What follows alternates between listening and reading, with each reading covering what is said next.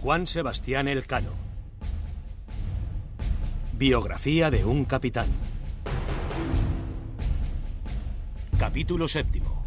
Borneo y Tidore.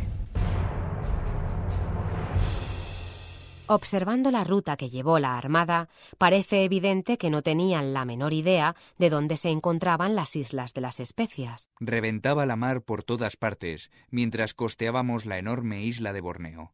Es una costa ruin. Navegábamos con la sonda en la mano, cerca de tierra, porque por fuera hay muchos bajos. Apenas anclamos frente a la ciudad cuando se desencadenó una tempestad, el cielo se obscureció y vimos el fuego de San Telmo sobre nuestros mástiles. Apenas amainó, las naos Trinidad y Victoria recibieron una visita. Con gran estruendo de música se acercaron dos navíos con las proas con formas de cabezas de serpiente.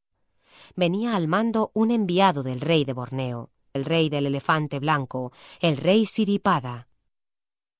Era un hombre viejo, alto, bien vestido a su guisa, con piezas de oro en los dedos, cuello y orejas.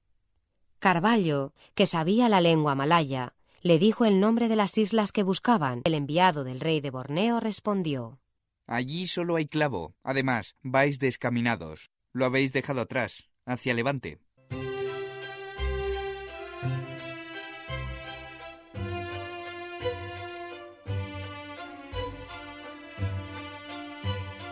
El ministro les agasajó con comida y bebida y luego se despidió para llevar las nuevas a su rey. Pasados varios días, se les acercó otro navío con alimentos. Venía también un mensajero del rey de Borneo y les anunció que era deseo del rey que fueran algunos al palacio para que pudieran conocer a la gente de Castilla. Mientras el capitán general Carballo permanecía al mando de las dos naos, Espinosa y Juan Sebastián encabezaron el grupo que intentaría obtener del rey de Borneo licencia para comerciar. Al llegar a la orilla, tras dos horas de espera, vinieron a buscarles en dos elefantes, cada uno con un castillo de madera en su lomo. Los marinos se acomodaron. Llevamos para regalar alguna ropa de terciopelo verde, zapatos para la reina, alguna copa de vidrio y cosas semejantes. El palacio del rey todo construido de piedra blanca, está situado en un islote y se encuentra protegido por una muralla a manera de fortaleza defendida con lombardas de hierro y de bronce.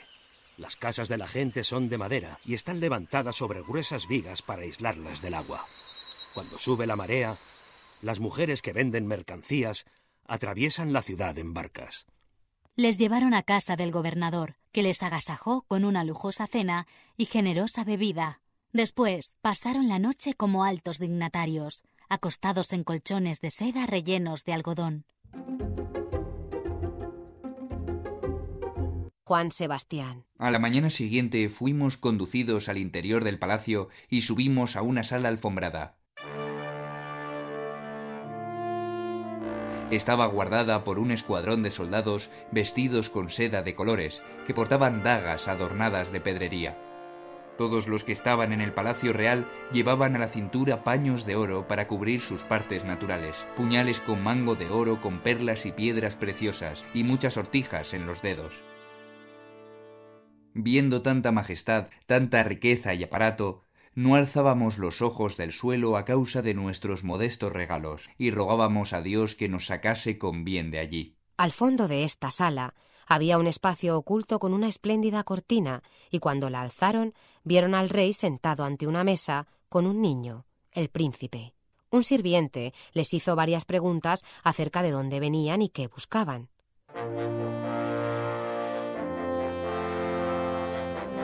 Cuando escuchó la respuesta, tomó una cerbatana y a través de ella habló con el secretario del rey, quien con gran reverencia y haciendo a su vez uso de otra caña, se lo contó al rey. Los expedicionarios no podían tenerse de la risa. Por el camino inverso, Siripada les trasladó su respuesta. Se maravillaba de su larga navegación, dijo que le satisfacía el ofrecimiento de amistad y les dio permiso para comerciar. Tras el intercambio de obsequios quedaron libres para moverse por la ciudad. Hasta Borneo llegan mercaderes que tratan en Malaca, en Sumatra o en China, buscando principalmente el alcanfor blanco, que solo se produce en esta isla. Es la resina de un árbol que resulta muy buena para infecciones en los ojos y para tratar las quemaduras.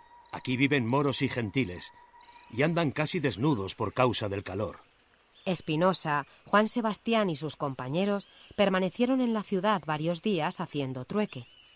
Querían alimentos y, sobre todo, cera y aceite de coco que necesitaban para impermeabilizar las naos. Los de Borneo estiman mucho el mercurio, lo usan para curarse y cuando están sanos lo beben para mantener la salud. Gracias a la curiosidad de Juan Sebastián, conocemos algunas de sus creencias.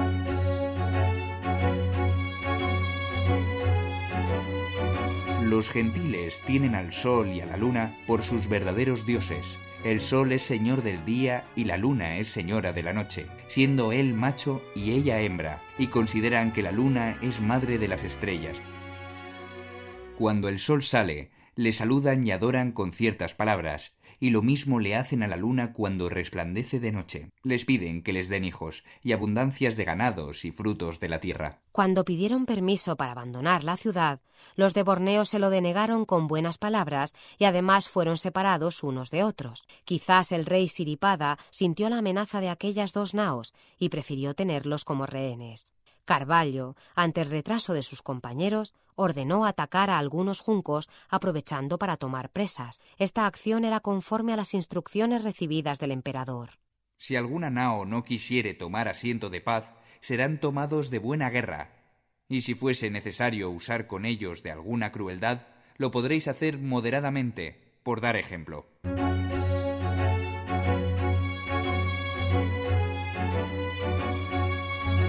La mañana del 29 de julio vieron acercarse hacia las naos una gran cantidad de navíos pequeños.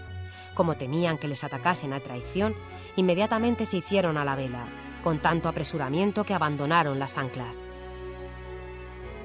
Consiguieron atrapar un junco enorme, cuatro veces el tamaño de la nao Trinidad. Una vez capturado, Carvalho, sin tomar consejo con nadie, decidió soltar al capitán con parte de su gente.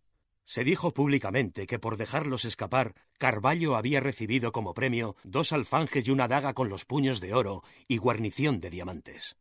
Al poco, el capitán Espinosa, Juan Sebastián y el barbero Bustamante fueron devueltos a las naos sin haber recibido daño alguno, pero parte de sus hombres permanecían retenidos en tierra.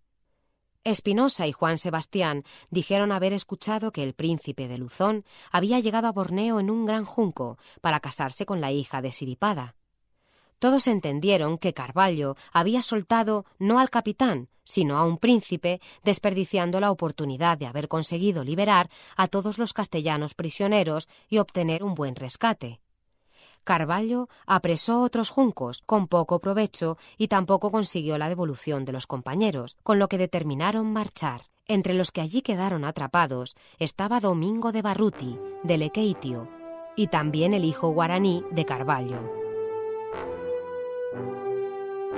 La Trinidad y la Victoria desandaron el camino que les había llevado hasta Borneo, atraparon un junco con un cargamento de cocos y después se detuvieron en una ensenada para reparar las naos. Carvalho no había estado a la altura de las expectativas que la gente había puesto en él. Además de sagaz, honrado, buen cristiano y entender de la navegación, el capitán ha de ser discreto y de buena razón. Ha de exigir y dar a cada uno lo suyo, todo lo cual dejó de hacer Carvalho desde que le nombramos capitán general. El contramaestre Francisco Albo ratifica lo sucedido. Carvalho no hacía las cosas en provecho de su majestad y no consultaba a nadie. Por eso la gente eligió por capitanes a Juan Sebastián y a Espinosa, y por tesorero y contador de todas las mercancías al dicho Juan Sebastián.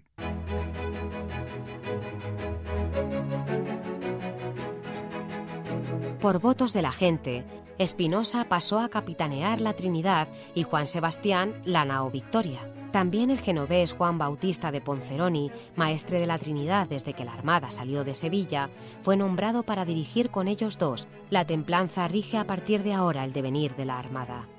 Era el 16 de septiembre de 1521. El alimento escaseaba y apenas dos semanas más tarde abordaron un junco. A diferencia de lo que había sucedido hasta este momento, el escribano Martín Méndez consignó los hechos por escrito teniendo cautivos en la nao Victoria al señor de la isla de Poloán llamado Tuan Macimud, a su hermano, a su hijo y a otras muchas personas. El escribano dejó constancia de cómo habían vencido en buena guerra y de que ofrecieron a los vencidos convertirse en aliados a cambio de que trajeran alimentos. Asegura que si se hubiera tratado de pedir un rescate, no los soltarían por menos de veinte mil ducados. Después firmaron las paces. Los tres principales de Poloan juraron en su ley poniendo el dedo en la boca y luego en la cabeza según su uso y costumbre de moros. El texto del escribano recoge la fecha en la que la entrega fue finiquitada, a siete días del mes de octubre de 1521. Continuando la ruta, encontraron una isla llamada Soló, en cuyas aguas era fama que se pescaban perlas del tamaño de avellanas. Un mes después, el escribano dio fe de que habían llegado a la meta. Viernes 8 de noviembre. Surgimos con las naos Trinidad y Victoria en la isla de Tidore, que es una de las islas de Maluco, donde hay clavo.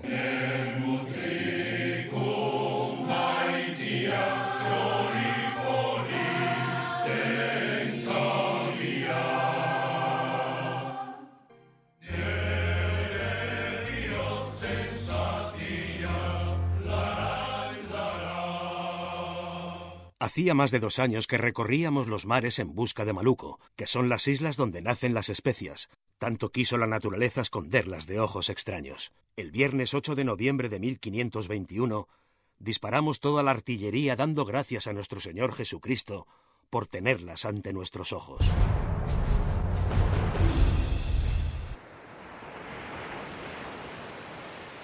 Antes de la puesta del sol, las naos surgieron en el puerto de la isla de Tidore. El tibio aroma a flor de clavo los envolvía. Mientras permanecían a la espera, en el camarote de la Trinidad el capitán Espinosa, el maestre Ponceroni y el capitán Juan Sebastián leyeron las instrucciones del rey Carlos. Cuando con la buena ventura lleguéis a las islas de las especierías, haréis asiento de paz y trato con el rey de la tierra, y procuraréis poner nuestras mercaderías en el mayor precio, y lo traeréis escrito de su letra. Recordad que con dádivas muchas veces hemos visto en las Indias ganar las voluntades de la gente de la tierra, más que por la fuerza de las armas. No se consentirá en ninguna manera que se les haga daño, porque no se alboroten, no consintiendo que ninguno toque a mujer